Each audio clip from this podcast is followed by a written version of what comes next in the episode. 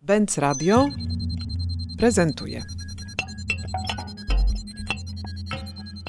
Agnieszka Skala, profesor na Politechnice Warszawskiej, to na pewno jest coś, co mnie dobrze określa w takim pierwszym rzucie. Na Akademii duża część mojego życia zawodowego faktycznie przebiega. Pracuję naukowo i dydaktycznie w obszarze startupów, zwłaszcza tych startupów cyfrowych, jakie potocznie nazywamy. Ale staram się nie tracić kontaktu z rzeczywistością i dlatego druga noga mojego życia zawodowa jest y, w startupach, w takiej praktyce startupowej, w pracy z przedsiębiorcami na różnym etapie rozwoju. Mentoruję startupy, szkole startupy, a ostatnio zajmuję się też taką odnogą działalności startupowej, która polega na tym, że staramy się przenieść praktyki startupowe do zwykłych firm i dzięki temu pracować na rzecz podniesienia innowacyjności no, w takim szerszym sensie, w szerszym zakresie. O.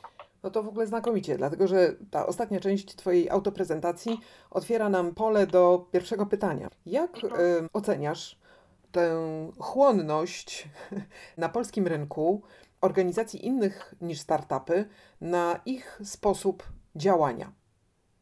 Ja myślę, że to, o czym my tak naprawdę mówimy, to jest, to jest szeroko rozumiana innowacyjność. No bo jeżeli chcesz być innowacyjny, to musisz być szybki i reagować na to, co się dzieje w otoczeniu, musisz mieć właśnie jakąś elastyczność, zwinność i pewną też otwartość operacyjną, żeby wprowadzać zmiany. Mówimy w sumie o innowacyjności, a z innowacyjnością w polskiej gospodarce to jest źle i nie trzeba tutaj być szczególnie bystrym, żeby to zauważyć. I, I, niestety też wszystkie dane, no właśnie o tym, o tym mówią, począwszy od międzynarodowych rankingów, które stosują jakieś e, dosyć obiektywne wskaźniki w tym względzie, prawda, i badają nie tylko Polskę, ale i inne kraje, takie jak Global Innovation Index, jak raporty Doing Business, jak European Innovation Scoreboard. No, my tam po prostu cały czas zajmujemy jakieś odległe, a w każdym razie na pewno niesatysfakcjonujące miejsca i, i Polska jest określana jako, no to jest taki eufemizm, umiarkowany innowator. To jest bardzo mocny eufemizm, bo my po prostu mamy tutaj bardzo kiepskie wyniki. I to samo jest u nas wewnętrznie, to znaczy gusowskie też liczby nie pozostawiają wątpliwości, że polskie przedsiębiorstwa nie są innowacyjne, tylko tam, o ile dobrze pamiętam, co czwarte przedsiębiorstwo przemysłowe i co piąte usługowe w ciągu ostatnich, nie wiem, trzech, czterech lat wdrożyło jakąkolwiek innowację. To są po prostu bardzo słabe wyniki. Polski biznes, polskie usługi, polski przemysł y, jest ugrzęźnięty w takim business as usual na zasadzie, no jak robimy, no to sprzedajemy, wszystko jest dobrze, no to po co, po co ma być lepiej. Ale no, zaczynają się tutaj zmiany, bo tak naprawdę ta, ta główna zmiana, którą tutaj, na którą czekamy, to jest e, takie wspięcie się na poziom wiem, że nie wiem, bo na razie ja to widzę tak, że ten polski przemysł, czy, czy w ogóle polski biznes nie wie, że nie wie. Oni, oni nie mają tej świadomości, oczywiście z chlubnymi wyjątkami, że oni tej innowacji i, i takiego przejścia na kulturę innowacyjności potrzebują, bo inaczej po prostu umrą. Ta świadomość chyba teraz jest podbita przez skutki lockdownu, przez ogólną atmosferę światową i wydaje się, że ta otwartość na nowe strategie czy przyjmowanie zupełnie nowych rozwiązań, również dla tych e, stabilnych, powiedzmy, czy bardziej tradycyjnie działających do tej pory biznesów, wydaje się, że tutaj powinno być większe pole do jakiejś osmozy.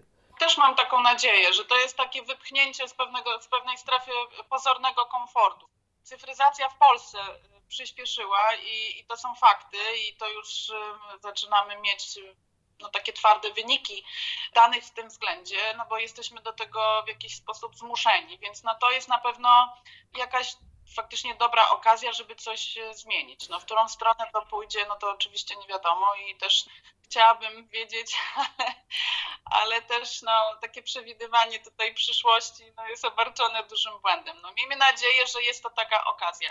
Ja też myślę, że no bo można się cyfryzować i cyfryzować, bo tak naprawdę to jest pytanie, do czego ta cyfryzacja zostanie wykorzystana. No bo cyfryzację i, i, i, wszystkie te technologie nowe i w ogóle zdobycza nauki i techniki można albo konsumować i to jest taka dosyć prostsza opcja na zasadzie internet jest mi potrzebny i fajnie, że go mam, bo mogę sobie odpalić Netflixa i oglądać filmy. A zupełnie na innym poziomie abstrakcji jest y, myślenie, że fajnie mam internet, mogę zrobić coś nowego i robić przedsięwzięcie siedząc w domu. Czyli takie twórcze, właśnie kreatywne wykorzystanie tych technologii, które tak naprawdę są przecież tylko narzędziem, prawda? One nie są celem samym w sobie. I tutaj raczej od pewnego stylu myślenia i od pewnej ambicji, którą ludzie mają w głowach i, i w którą się kierują, zależy od tego, co oni z tą technologią zrobią. Czy będą ją bezmyślnie konsumować i od tego my nie będziemy bardziej innowacyjną gospodarką, ani nie będziemy mądrzejsi, ani nie będziemy się bardziej liczyć światowej gospodarce, czy jest stać nas na to, żeby przetworzyć tę technologię, czyli potraktować ją jako narzędzie i dzięki temu stworzyć coś nowego. Na przykład Global Innovation Index, oni mają tam bardzo konkretne wskaźniki, według których właśnie oceniają poziom innowacyjności kraju. Umówmy się, to nie jest takie proste stworzenie takiego systemu wskaźników i zawsze e, bardzo dla mnie fajny był pomysł tam stosowany, który takiego wskaźnika, który patrzy na to, ocenia to, na ile w danym kraju nie tylko ogląda się YouTube'a, prawda, tylko na ile wrzuca się nowe treści na tego typu platformy. No to, jest właśnie, to jest właśnie to coś, co odróżnia tę konsumpcję od twórczości. I, I mi się wydaje, że tutaj jest głównie pies pogrzebany. Tu jest problem, żebyśmy my nie traktowali tych zdobyczy cyfryzacji i tych technologii cyfrowych jako po prostu wygodniejszej formy konsumowania, tylko żebyśmy coraz bardziej lepiej w sposób, e, który jest użyteczny, też patrząc na to w takim rozumieniu zrównoważonego rozwoju, no tych wszystkich nowych trendów, no bo umówmy się, nasza planeta po prostu umiera.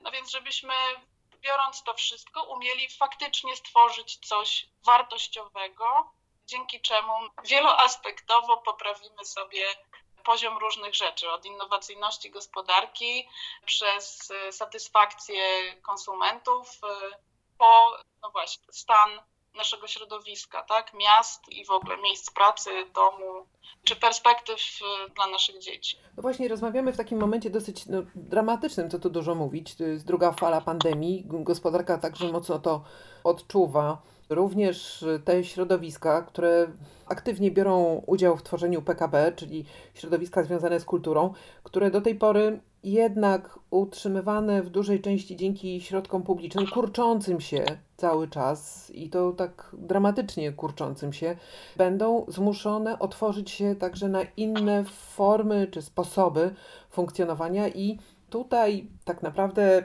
wydaje mi się, że to zmieszanie bardzo różnych sposobów myślenia o organizacji jako jednostce, która no, generuje jakieś dobra, w tym przypadku mogą to być dobra kultury. Zmieszanie tego z, z tymi strategiami, które są wypracowane przez no, już długoletnią historię startupów, może być bardzo inspirujące. Ja przeczytałam przed naszą rozmową Twój tekst Spiralna definicja startupu, prosty.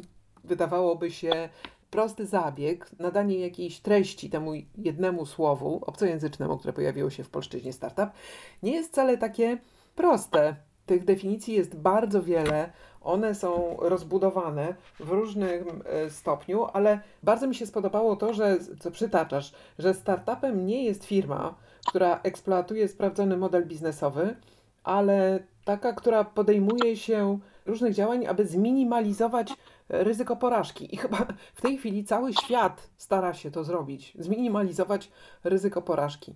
Powiedz, bo jesteś także osobą od wielu lat zaangażowaną w to, żeby obserwować i współtworzyć polskie startupy. Czym one właściwie się zajmują? No, ja po pierwsze bardzo dziękuję i w ogóle jestem w szoku, że ktoś czytał moje, moje artykuły poza moimi studentami, których do tego przymuszam. Cieszę się. Ja powiem tak, no właśnie ta definicja startupu i to, co my rozumiemy przez te startupy, to ona, ona jest cały czas zmienna. I ja sama ciągle zmieniam, prowadząc jakieś zajęcia dla studentów, takich czy śmakich, czy innych różnych grup, że ja w zasadzie co pół roku, jak tam sobie przygotowuję te prezentacje, to ciągle coś nowego tam wrzucam. I tak to jest właśnie z tymi startupami, że one nie są jak czymś danym raz na zawsze, tylko one się, one się ciągle zmieniają i ciągle, ciągle jakoś tam te definicje ulepszamy. No ale jest kilka takich cech, które faktycznie według mnie nie ulega wątpliwości, że startupy się nimi charakteryzują. I na pewno nie jest to wiek, czy tam długość istnienia, chociaż no przyjmujemy, że startup jest organizacją tymczasową, jak powiedział Steve Blank, czyli że no bycie startupem nie jest samym w sobie celem, prawda? Czyli jednak przekształcenie w jakąś inną formę organizacji jest tutaj celem, prawda? Nie jest y, celem pozostawanie takim wiecznym Piotrusiem Panem. Mi się wydaje, że takie najważniejsze tutaj cechy to jest to, że startup y, no właśnie jest innowacyjny, czyli jakaś nowość, przy czym te innowacje rozumiemy szeroko. Takim y, częstym nieporozumieniem, z którym się stykam, rozmawiając nawet z moimi studentami, jest to, że im się wydaje, że ta innowacyjność to musi być co najmniej wymyślenie uniwersalnego leku na raka albo posługując się bliższymi nam rzeczami, szczepionki na COVID.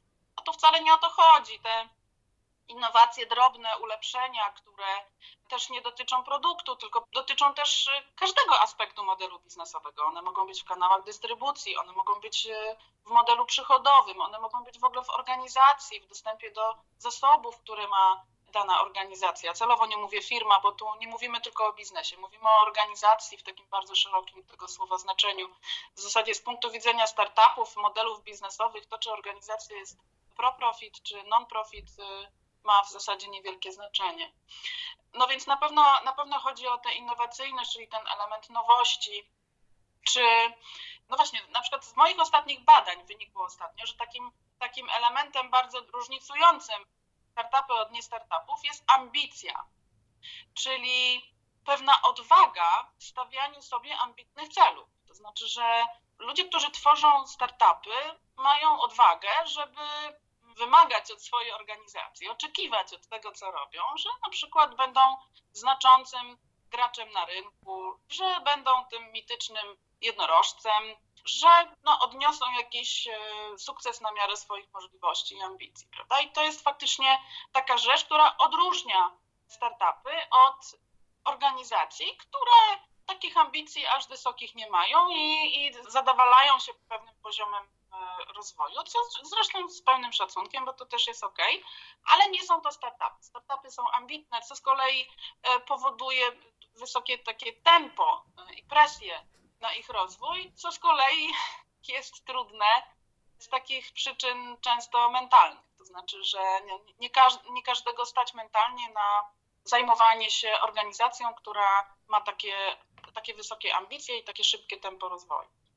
No, takim kluczowym, kluczową cechą startupu, którą, która w, moim, w mojej opinii jest tutaj decydująca, jest, jest skalowalność. To znaczy, że Startup e, to jest taka organizacja, która może się rozwijać, e, może zwiększać zasięg swojej działalności, nie powiększając e, zasobów, no w tempie proporcjonalnym, prawda? Tylko posiłkując się bardzo skromnymi zasobami takimi materialnymi, a zwłaszcza aktywami trwałymi, mówiąc już językiem księgowym, jesteśmy w stanie zwiększać nasz zasięg, czy liczbę klientów, liczbę użytkowników, w zasadzie bez granic. I, i, I, te technologie cyfrowe nam to umożliwiają. Także te technologie cyfrowe też są taką pochodną. Tak? To nie jest tak, że startupy to muszą być cyfrowe. No nie, tylko że technologie cyfrowe to umożliwiają. Za chwilę będziemy może mieli inne technologie, udoskonaloną sztuczną inteligencję, 5G, jeszcze coś nowego, o czym nie śniło się filozofom, i to znowu w jakiś sposób umożliwi nam tworzenie kompletnie nowych modeli biznesowych, dzięki którym będziemy umieli tę hiperskalowalność uzyskać. Tak, tak jak teraz no, najłatwiej sobie wyobrazić to posługując się przykładem chmury, prawda? No, filmy w chmurze nigdy się nie kończą, a, a na regałach bibliotecznych owszem. Taka to jest różnica. No. Agnieszko, chciałam Cię zapytać o to, o tę Twoją właśnie głęboką wiedzę i rozpoznanie startupów w Polsce. Jak y, Ty oceniasz, czy one oprócz tego, że no, rzeczywiście działają na bazie e, odwagi i wyobraźni, to czy one zawierają alianse ze środowiskami kreatywnymi?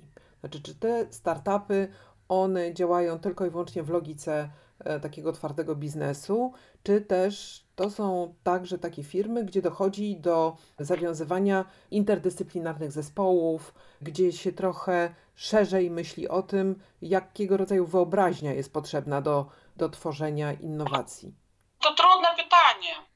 Nie mam tutaj takiego głębokiego rozpoznania akurat y, tego, tego obszaru, więc trudno mi będzie odpowiedzieć jakoś bardzo zdecydowanie. Natomiast no, wydaje mi się, że wciąż na pewnym etapie rozwoju, gdzie, gdzie już y, startupy powiedzmy dojrzałe, tam pojawiają się pieniądze inwestorskie i mówimy o takim faktycznie rozwoju już na pewnym zaawansowanym etapie rozwoju i, i większych wycenach, większych pieniądzach, no to, to faktycznie rządzi chyba w tej chwili jeszcze twardy biznes i pewnie te, te obszary związane z y, twórczością kreatywną będą tutaj niedoreprezentowane, ale no trudno mi jest tutaj jednoznacznie odpowiedzieć. Musiałabym się jakoś y, w te, w te dane bardziej wgryźć, bo na, na przykład robiłam takie pogłębione badanie dotyczące związków e, startupów z nauką, prawda? czyli takie startupy, które albo mają naukowca wśród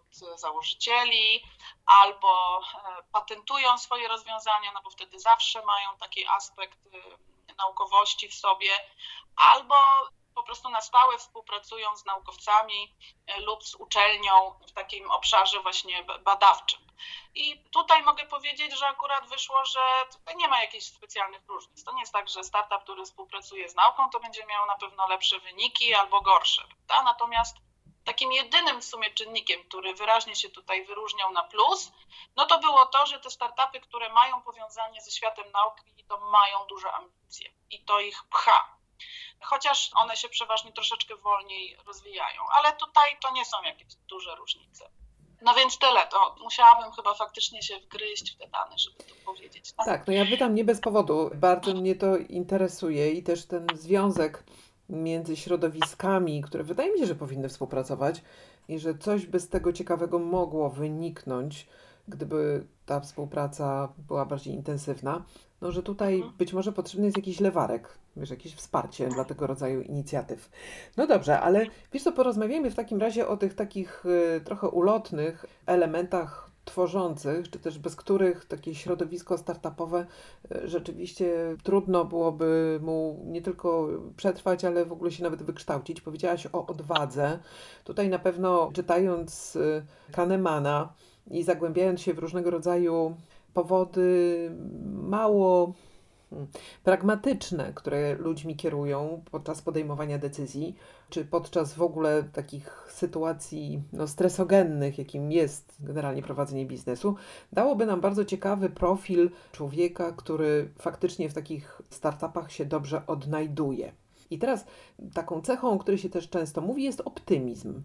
W naszych czasach i w ogóle w takich y, okolicznościach, w których ten właśnie stopień niepewności jest bardzo, bardzo duży, a operowanie swobodne w środowisku niepewności jest jedną z cech startupów, jak ty oceniasz, skąd się te pokłady optymizmu, że akurat mojemu przedsięwzięciu, że akurat mój projekt, że akurat to, co ja robię, to będzie miało sukces, skąd się to bierze? Na czym to jest ufundowane?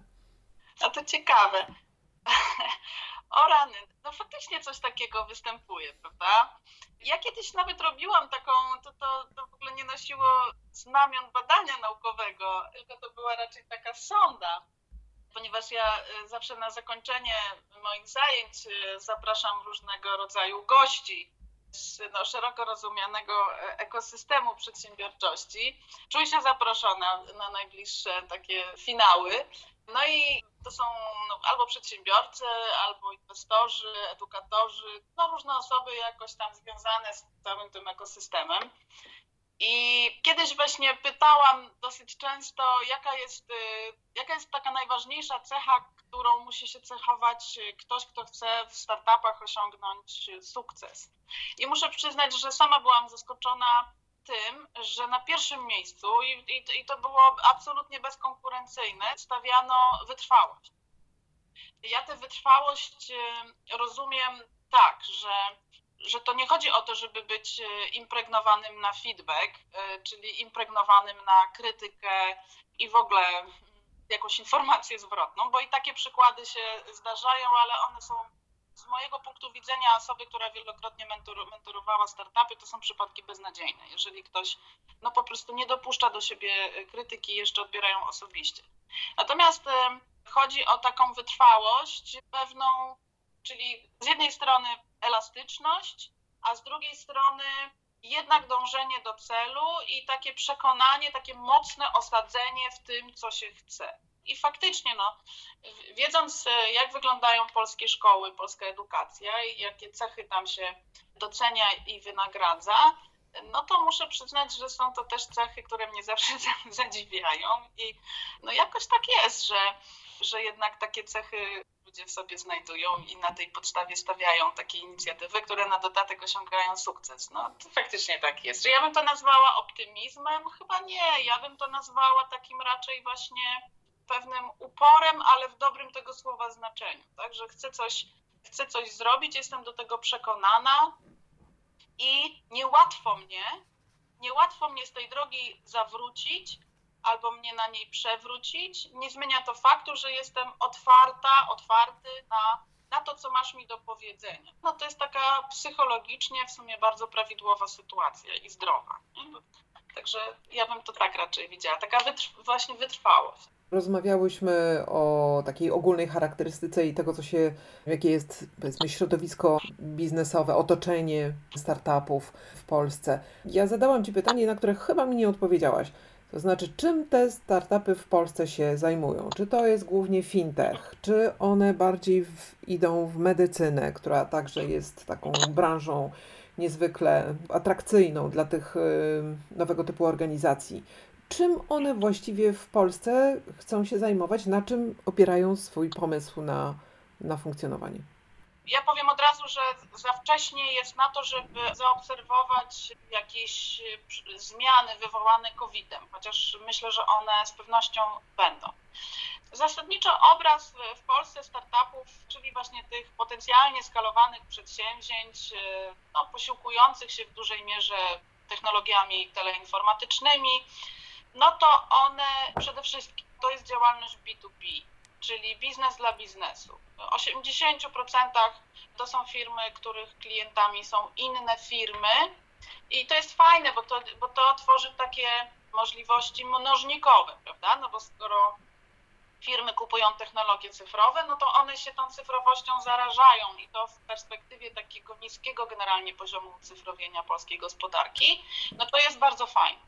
I w ogóle najlepsze, co można zrobić dla rozwoju startupów w Polsce, to nie jest wcale koniecznie wykąpanie ich w wannie z pieniędzmi, co jest oczywiście dosyć łatwym sposobem i państwo to skutecznie jakoś tam lepiej, gorzej, ale robi. Natomiast najlepsze, co można zrobić dla startupów, to pobudzić popyt na ich produkty, prawda? No bo startupy rozwijają się wtedy, kiedy mają klientów. I tak naprawdę, no właśnie to jest taka sytuacja obustronna. Im więcej rynku na technologie cyfrowe w Polsce, tym większy popyt na produkty, usługi tych, tych startupów. Także przede wszystkim to jest rynek dla firm. No i to jest bardzo dużo analityki. To są projekty w takich usługach dla innych firm. No ten fintech oczywiście się wyróżnia. W ogóle fintech to jest taka tutaj taka lokomotywa pociągowa, że w Polsce jest duże otwarcie na nowinki, jeśli chodzi o sektor usług finansowych i w Polsce faktycznie są testowane różnego rodzaju rozwiązania ze względu na tę jakąś tam otwartość, chociaż wiadomo, że jest to sektor zasadniczo trudny i, i no powiedzmy, że zawarcie umowy z, z bankiem może naprawdę zająć bardzo długo, ale mimo to do tych, do tych dochodzi. No to jest oczywiście e-commerce, to są przeróżne usługi typu no, ułatwiające życie innym firmom w różnych zakresach. Również w Polsce jest bardzo dużo startupów, które na przykład działają w obszarze edukacji. Bardzo dużo naszych respondentów e, zawsze od pięciu lat w badaniu Polskie Startupy deklarowało, że robią edukację. Ten sektor B2B to jest takie bogactwo różnego rodzaju usług, że ciężko tutaj wskazać, no poza taką też szeroko rozumianą analityką, to jest i business intelligence, to jest i różnego rodzaju narzędzia wspomagające działalność operacyjną firm, że hardware też jest, tak? Taką doliną hardware'ową w Polsce jest Kraków i tam się robi e, też różne rzeczy związane z, no, z jakąś tam produkcją jakiegoś sprzętu różnego rodzaju. A powiedz, bo chciałabym tak jeszcze dodatkową, dodatkową dyscyplinę tutaj włożyć do tego wyliczenia. Tak. Jak stoimy z innowacyjnością w obszarze ekologii? To tutaj, tutaj mamy takie spektakularne przykłady, prawda? No chociażby z Syntoil, który rok czy dwa lata temu powygrywał wszystkie możliwe konkursy startupowe, czyli no, pojawiają się u nas na Politechnice Warszawskiej, w Krakowskim Parku Technologicznym mamy takie startupy, które, które zajmują się. No ja w ogóle myślę, że to jest obszar dla startupów. Przy czym no nie jest łatwo, bo mówiąc o ekologii, bardzo często wkraczamy w obszar zinstytucjonalizowany, czyli mówiąc wprost, to są przetargi i różne inne, inne, inne rzeczy, które nie sprzyjają takim elastycznym rozwiązaniom i są takimi rynkami o bardzo wysokiej barierze wejścia. No ale czekamy. Niemniej mówię, oczywiście pojawiają się, natomiast żeby to było jakieś szaleństwo, no jest bardzo dużo takich rozwiązań. Ostatnio na przykład badałam badałam sprawy związane z transportem, startupy transportowe, no i wpadło mi w ręce ileś tam x rozwiązań związanych e, z, z motoryzacją elektryczną, czyli na przykład takie rozwiązanie dla deweloperów, że są firmy, które oferują takie ładowarki elektryczne osiedlach mieszkaniowych, prawda, które są inteligentne, to znaczy ten moduł inteligencji w tych e, systemach, no, to nie jest taka zwykła wtyczka, tylko taka wtyczka, która pobiera ten prąd, kiedy jest najtańszy na przykład, tak, jakoś tam zarządza w środku całym tym strumieniem energii, tak żeby było najtaniej, najczyściej w związku e, z tym też i, i żeby ten bilans jakoś tam wychodził na plus, prawda, no, różnego rodzaju komponenty do, do motoryzacji nastawionej na elektryki, z jakimiś tam, nie wiem, felgami innowacyjnymi, które są x procent efektywniejsze, lżejsze, tańsze, no jakkolwiek wspomagają tutaj, stanowią jakiś komponent po prostu całej tej ogromnej przecież, to jest, to jest jakaś ogromna galaktyka wszystkich komponentów, podkomponentów, e, wykonawców, tego wszystkiego, co się na koniec dnia składa na to, że, że jakoś tam to przejście od, od spalin do, do elektryków się dokonuje no w sumie na naszych oczach, no bo to, to widać w takich miejscach jak Warszawa.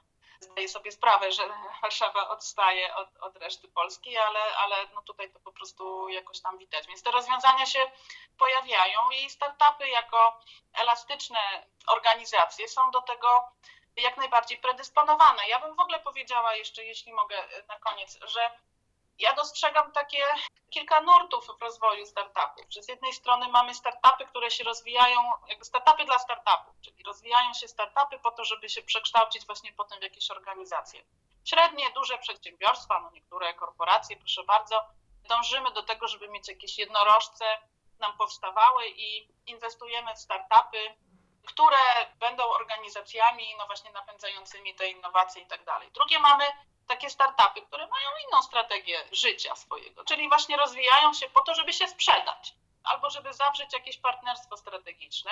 I, I, to też jest jakaś, jakaś strategia rozwoju albo współpracy, bo są różnego rodzaju modele współpracy z dużymi korporacjami, na przykład motoryzacyjnymi, jeśli już jesteśmy przy tym temacie. No albo po prostu się sprzedajemy i, i potem robimy coś, coś nowego. A jeszcze coś innego, no to jest to, to co, o czym wspomniałam na samym początku, czyli traktujemy startupy jako pewną metodykę, jakąś filozofię funkcjonowania na rynku, którą możemy aplikować, adaptować do innych obszarów gospodarki. Czyli tutaj wypracowaliśmy sobie jakiś zestaw narzędzi i możemy je, no właśnie, w branżę kreatywną czy w branżę MSP, bardzo szeroko rozumianą, bo to jest tak naprawdę większość y, przedsiębiorstw, ale to przysłowiowe gięcie blachy możemy aplikować i dzięki temu uzyskiwać jakieś wartości dodane, jak, jakąś poprawę funkcjonowania w, w obszarze, na którym nam zależy, na przykład innowacyjności, prawda? Czyli jak zaszczepić innowacyjność i kulturę innowacyjności w organizacjach, które nie domagają. Posłuchaj, no to to jest y, ogromne wyzwanie. Ta końcówka rzeczywiście tak wybrzmiała jak plan na rok 2021. Bardzo Ci dziękuję za rozmowę i mam nadzieję, że to nie jest y, ostatnie nasze spotkanie, bo bardzo mi zależy na tym, żeby ten y, związek i widoczność startupów i, właśnie Mhm. organizacji działających wewnątrz środowiska kultury, żeby to zwiększać. Ja bym powiedziała, że to też wymaga takiego przejścia chyba w świadomości tego całego ekosystemu startupowego, bo my na razie jesteśmy zatrzymani chyba na etapie tego, że startupy potrzebują pieniędzy. Natomiast no, dalszy etap, i tutaj już też są podejmowane pewne inicjatywy, no to jest właśnie ta kluczowa rola zespołu założycielskiego i w ogóle zes- zespołów, które kierują startupem i tego właśnie, jakie kompetencje, jaka wiedza, jakie doświadczenie w takim zespole się spotyka i dzięki temu uzyskuje lepsze, lepsze wyniki. No i to jest taka właśnie taki miks, prawda, czy edukacji i kompetencji. I tutaj faktycznie no, taka moda na dokładanie, na posiłkowanie się ludźmi z innych no, jakichś obszarów. Tak, no do porządku. No dobra, słuchaj, to bardzo